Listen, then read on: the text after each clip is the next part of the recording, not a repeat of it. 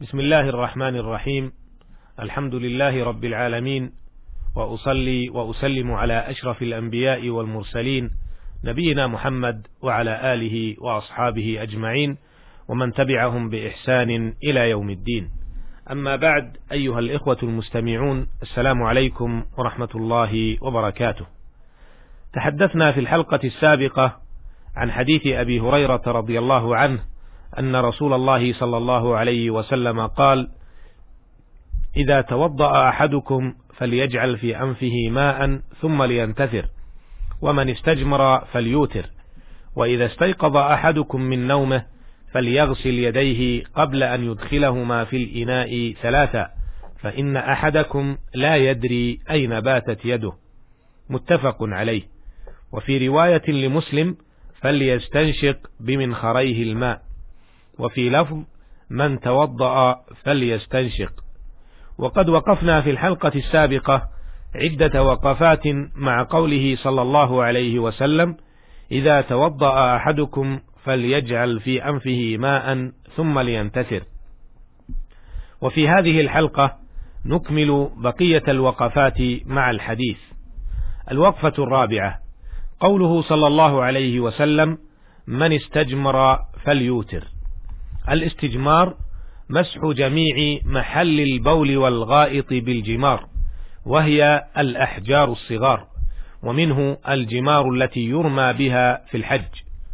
وقوله فليوتر أي لينهي الاستجمار على وتر وهو الفرد مثل ثلاث أو خمس ونحوهما. ولا يكون قطعه الاستجمار لأقل من ثلاث وإن حصل الإنقاء بدونه. وذلك لنهيه صلى الله عليه وسلم أن يستنجي بأقل من ثلاثة أحجار. الوقفة الخامسة: اعلم أخي المستمع أن الاستجمار أحد طرق الاستطابة للطهارة بعد البول أو الغائط، وقد بين الإسلام الحكيم تفصيلات دقيقة في هذا الشأن. روى الإمام مسلم وغيره عن سلمان الفارسي أن المشركين قالوا له إننا نرى صاحبكم يعلمكم حتى الخراءة قال أجل نهانا أن يستنجي أحدنا بيمينه أو يستقبل القبلة بغائط أو بول ونهى عن الروث والعظام وقال لا يستنجي أحدكم بدون ثلاثة أحجار.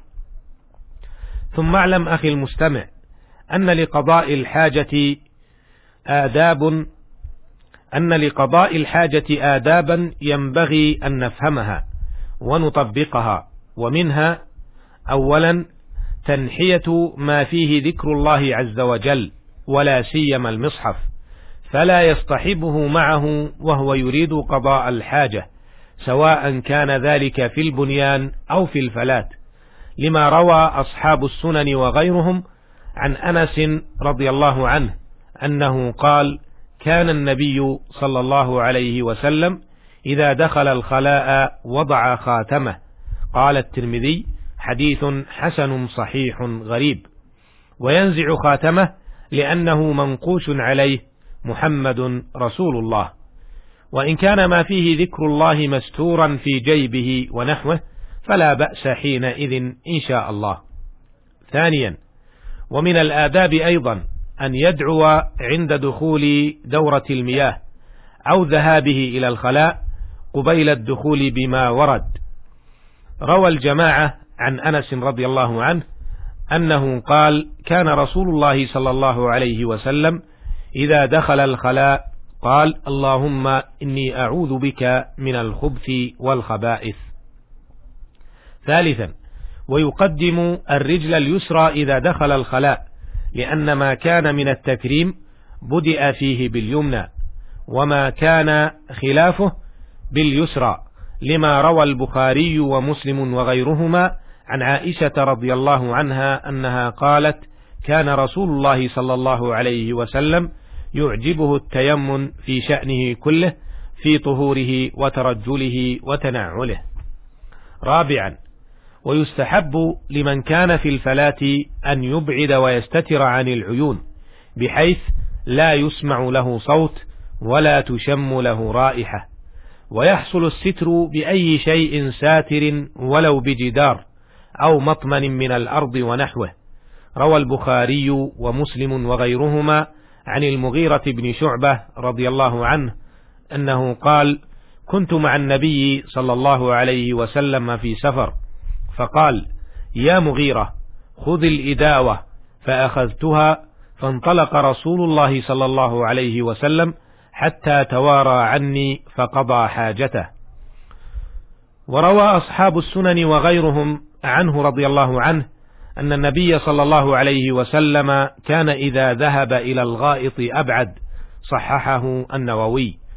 وروى أبو داود وابن ماجه وغيرهما عن أبي هريرة رضي الله عنه أن النبي صلى الله عليه وسلم قال من أتى الغائط فليستتر فإن لم يجد إلا أن يجمع كثيبا من رمل فليستتر به. حسنه النووي. خامسا ومن الآداب أيضا عدم استقبال القبلة أو استدبارها ببول أو غائط وجمهور أهل العلم على أنه لا يجوز ذلك إذا كان في الفلاة لما روى مسلم وأحمد وغيرهما عن أبي هريرة رضي الله عنه أن النبي صلى الله عليه وسلم قال إذا جلس أحدكم على حاجته فلا يستقبل القبلة ولا يستدبرها.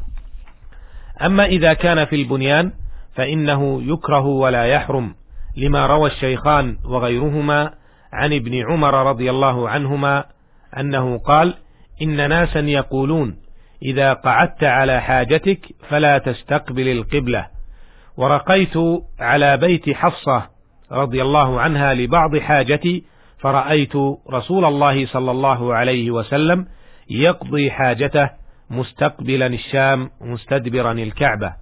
ومن هنا جعل بعض العلماء التحريم خاصا إذا كان في الفلاة جمعا بين الأدلة. سادسا ومن الآداب الواجبة عدم قضاء الحاجة في أماكن التجمعات أو المنتزهات أو موارد المياه التي تورد للشرب أو طريق الناس الذين يسلكونه ونحو ذلك لما روى مسلم وغيره أن رسول الله صلى الله عليه وسلم قال اتقوا اللعانين اتقوا اللعانين أي الآمرين الجالبين للعن. قالوا وما اللاعنين يا رسول الله؟ قال الذي يتخلى في طريق الناس أو في ظلهم. سابعا ومن الآداب أيضا عدم قضاء الحاجة في المواضع التي فيها ثقوب أو شقوق لما روى الإمام أحمد وأبو داود والنسائي بإسناد حسن أن النبي صلى الله عليه وسلم نهى أن يبال في الجحر.